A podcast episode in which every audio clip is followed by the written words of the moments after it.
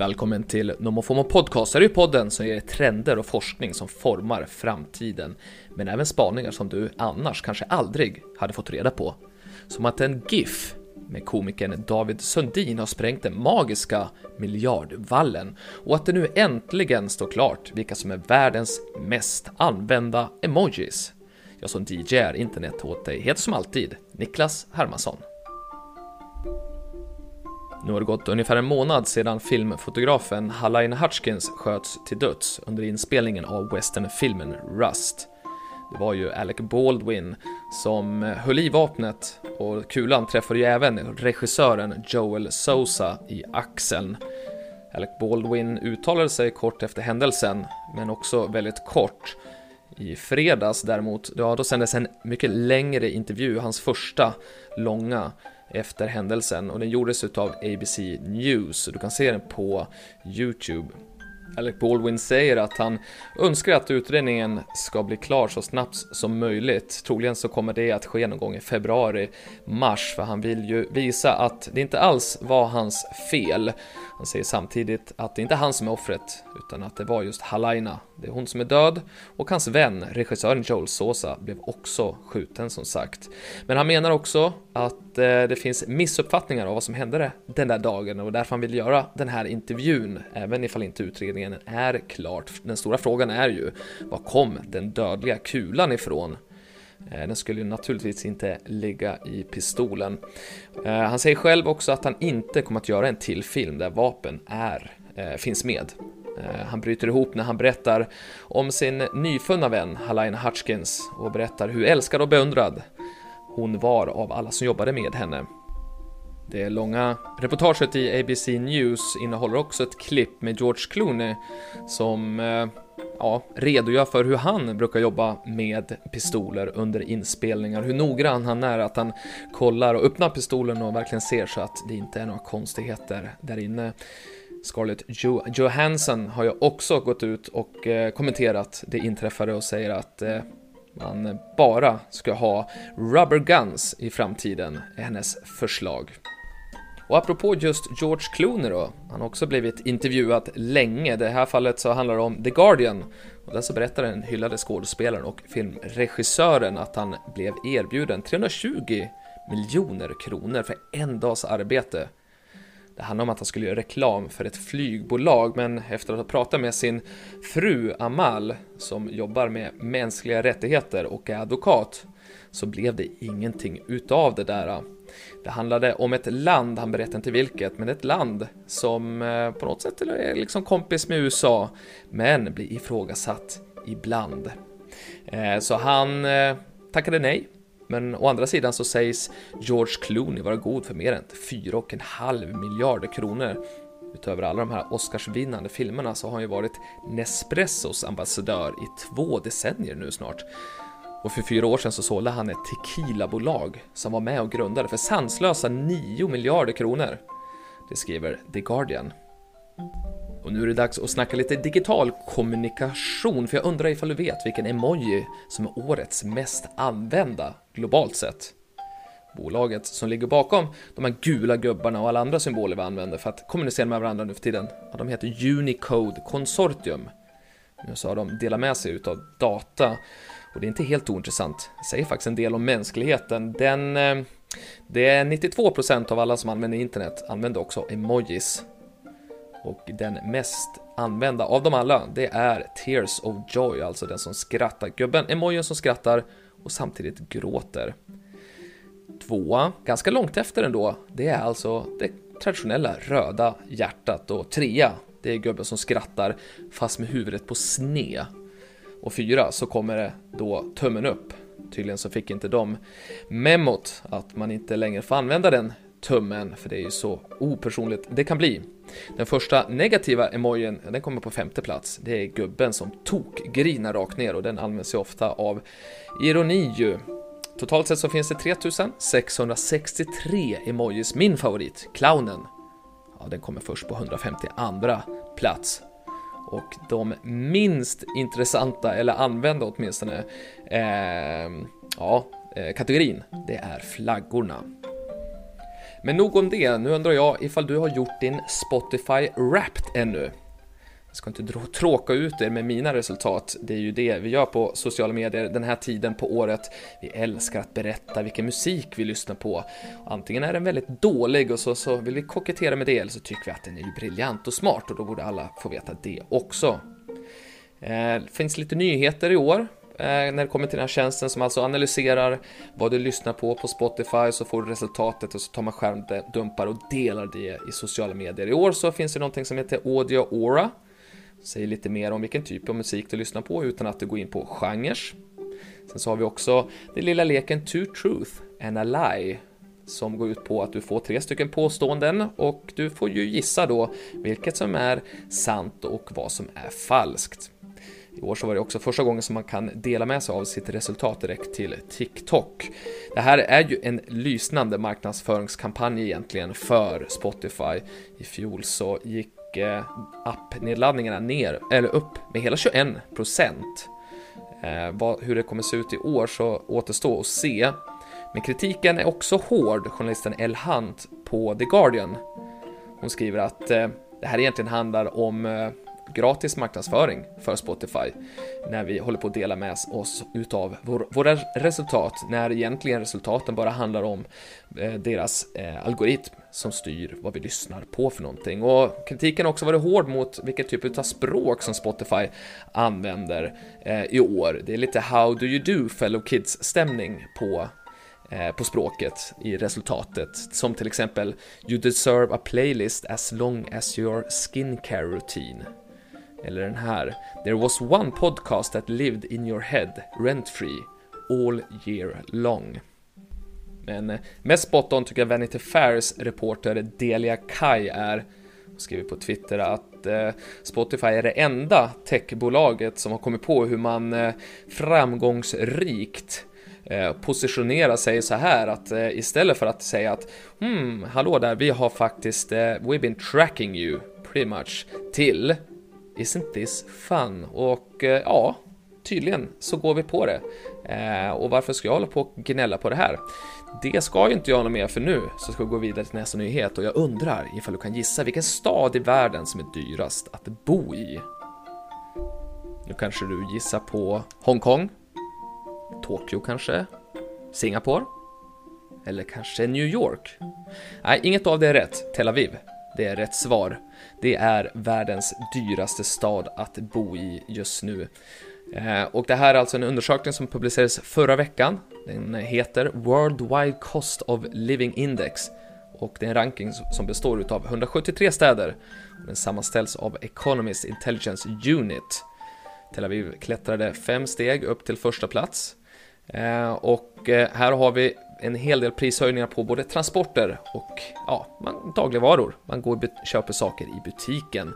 Paris och Singapore kommer på delad andra plats följt av Zürich i Schweiz och såklart och så Hongkong. New York på sjätte plats, Genève på den sjunde. Köpenhamn tar sig faktiskt in på topp 10-platsen här, eller på topp 10-listan och de är 8, Los Angeles 9 och Osaka i Japan på tionde plats. Och det här är, eh, förra året så, så var det faktiskt Paris, Zürich och Hongkong som kom på delad första plats.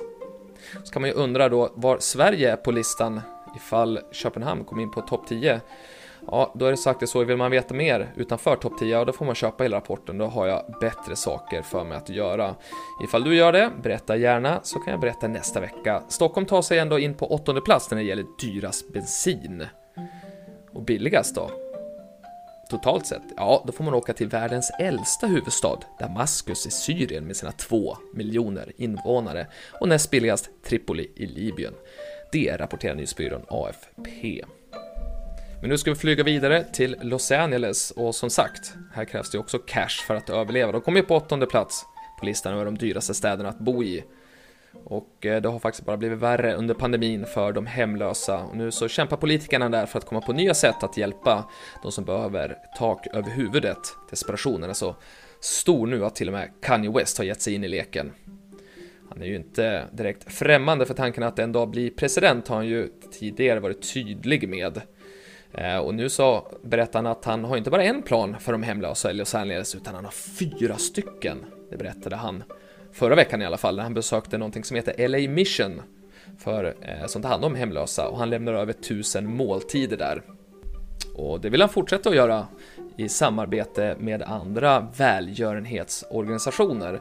Han tror sig också kunna använda sina egna företag, han har ju en del för att hjälpa till eh, med utbildning, jobb och bostäder då till de hemlösa i Los Angeles. Och han tror ju också att han har en magisk plattform med sin eh, ja, söndagsgudstjänst. Han har ju tidigare bjudit in Marilyn Manson som ville bli kristen. Eh, och ja, vi får följa det här och se hur det går för Kanye och Los Angeles.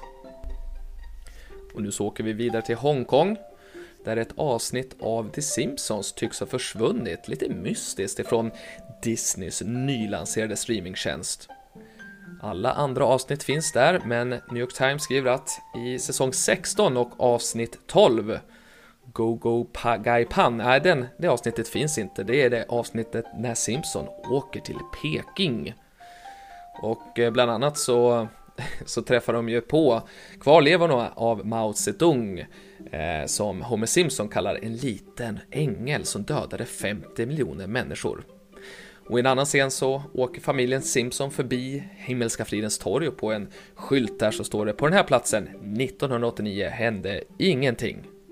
Och det är såklart ett eh, ironi och eh, ett slag då mot den kinesiska regeringens försök att undertrycka allmänhetens, ja, ska vi säga, minne då av den här massakern där armén öppnade eld mot studenter och andra pro-demokratiska demonstranter. Och nu så skriver New York Times att den här incidenten, att de plockar bort då eh, avsnittet, har gjort att med, medborgarna i Hongkong är oroliga för att yttrandefriheten ska ryka helt och hållet och att det inte längre kommer att vara möjligt att kritisera, kritisera staten. Så vidare till ett helt annat ämne. För visste du att var femte människa kämpar för att klara lukter och ljud och bilder som man möts av i vardagen? De här människorna tar dels in mycket mer information än average Joe och sen så bearbetar de även informationen hårdare och djupare och eftersom de tar in så mycket information på en och samma gång så kan de bli mycket mer överstimulerade och överväldigade. Och hade du inte koll på det här så kvalar du knappast in i kategorin highly sensitive. Det är The Guardian som skriver om det här fenomenet som är, finns runt omkring oss hela tiden. Och när de gjorde det så bad de också sina läsare att tycka till och dela med sig av sina erfarenheter och det gjorde faktiskt tre, eller mer än 300 människor. De eh, berättar att de stänger ute världen genom att då ha på sig hörlurar hela tiden och att man att undvika sociala medier det är ju kanske nyckel nummer ett. Eh, ifall de får kritik på jobbet, ja då så kan det stanna kvar i flera år och därför kan också relationer vara lite kluriga. Eh, reportern som skriver den här artikeln heter Emin Saner, högst oklart ifall det är rätt uttal, men hon i alla fall argumenterar för att överemotionella människor kan vara de verkliga versionärerna eftersom de ofta är kreativa människor som eh, ja, ser på saker lite utanför boxen. Och de ställer sig också frågan om de här människorna sitter på nyckeln till lycka. De är duktiga lyssnare, de är duktiga på att samtala, de ser detaljer, därför är de också bättre på konst och eh, underhållningen i stort. Eh, också mycket mer empatiska vilket eh, gör att de är riktigt bra i ledarroller. En stark tro på rättvisa och duktiga lyssnare som sagt så, och också ifrågasätter regler som inte är vettiga. Åtminstone vad de tycker. Typiska egenskaper som världen behöver just nu ifrågasätta kritiskt tänkande. Det konstaterar då Emin Saner. Och hur gick det då egentligen med försäljningen under Black Week? Jag lyfte ju fram Henrik Sjödins nya nyhetsbrev förra veckan. Han är ju rådgivare på Svenska Marknadsförbundet inom just konsumentbeteende och kundinsikt. Ja, I den här veckans nyhetsbrev så skriver han att kortdata visar att svenskarna köpte varor för 17% mer under reaveckan än under veckan innan. Och det var framförallt hemelektronik som vi köpte väldigt mycket utav. Och då kan man tycka att de här ökningarna är eh, just 17% upp, procent upp jämfört med veckan innan. Mycket, men det är faktiskt mindre än både 2019 och 2020.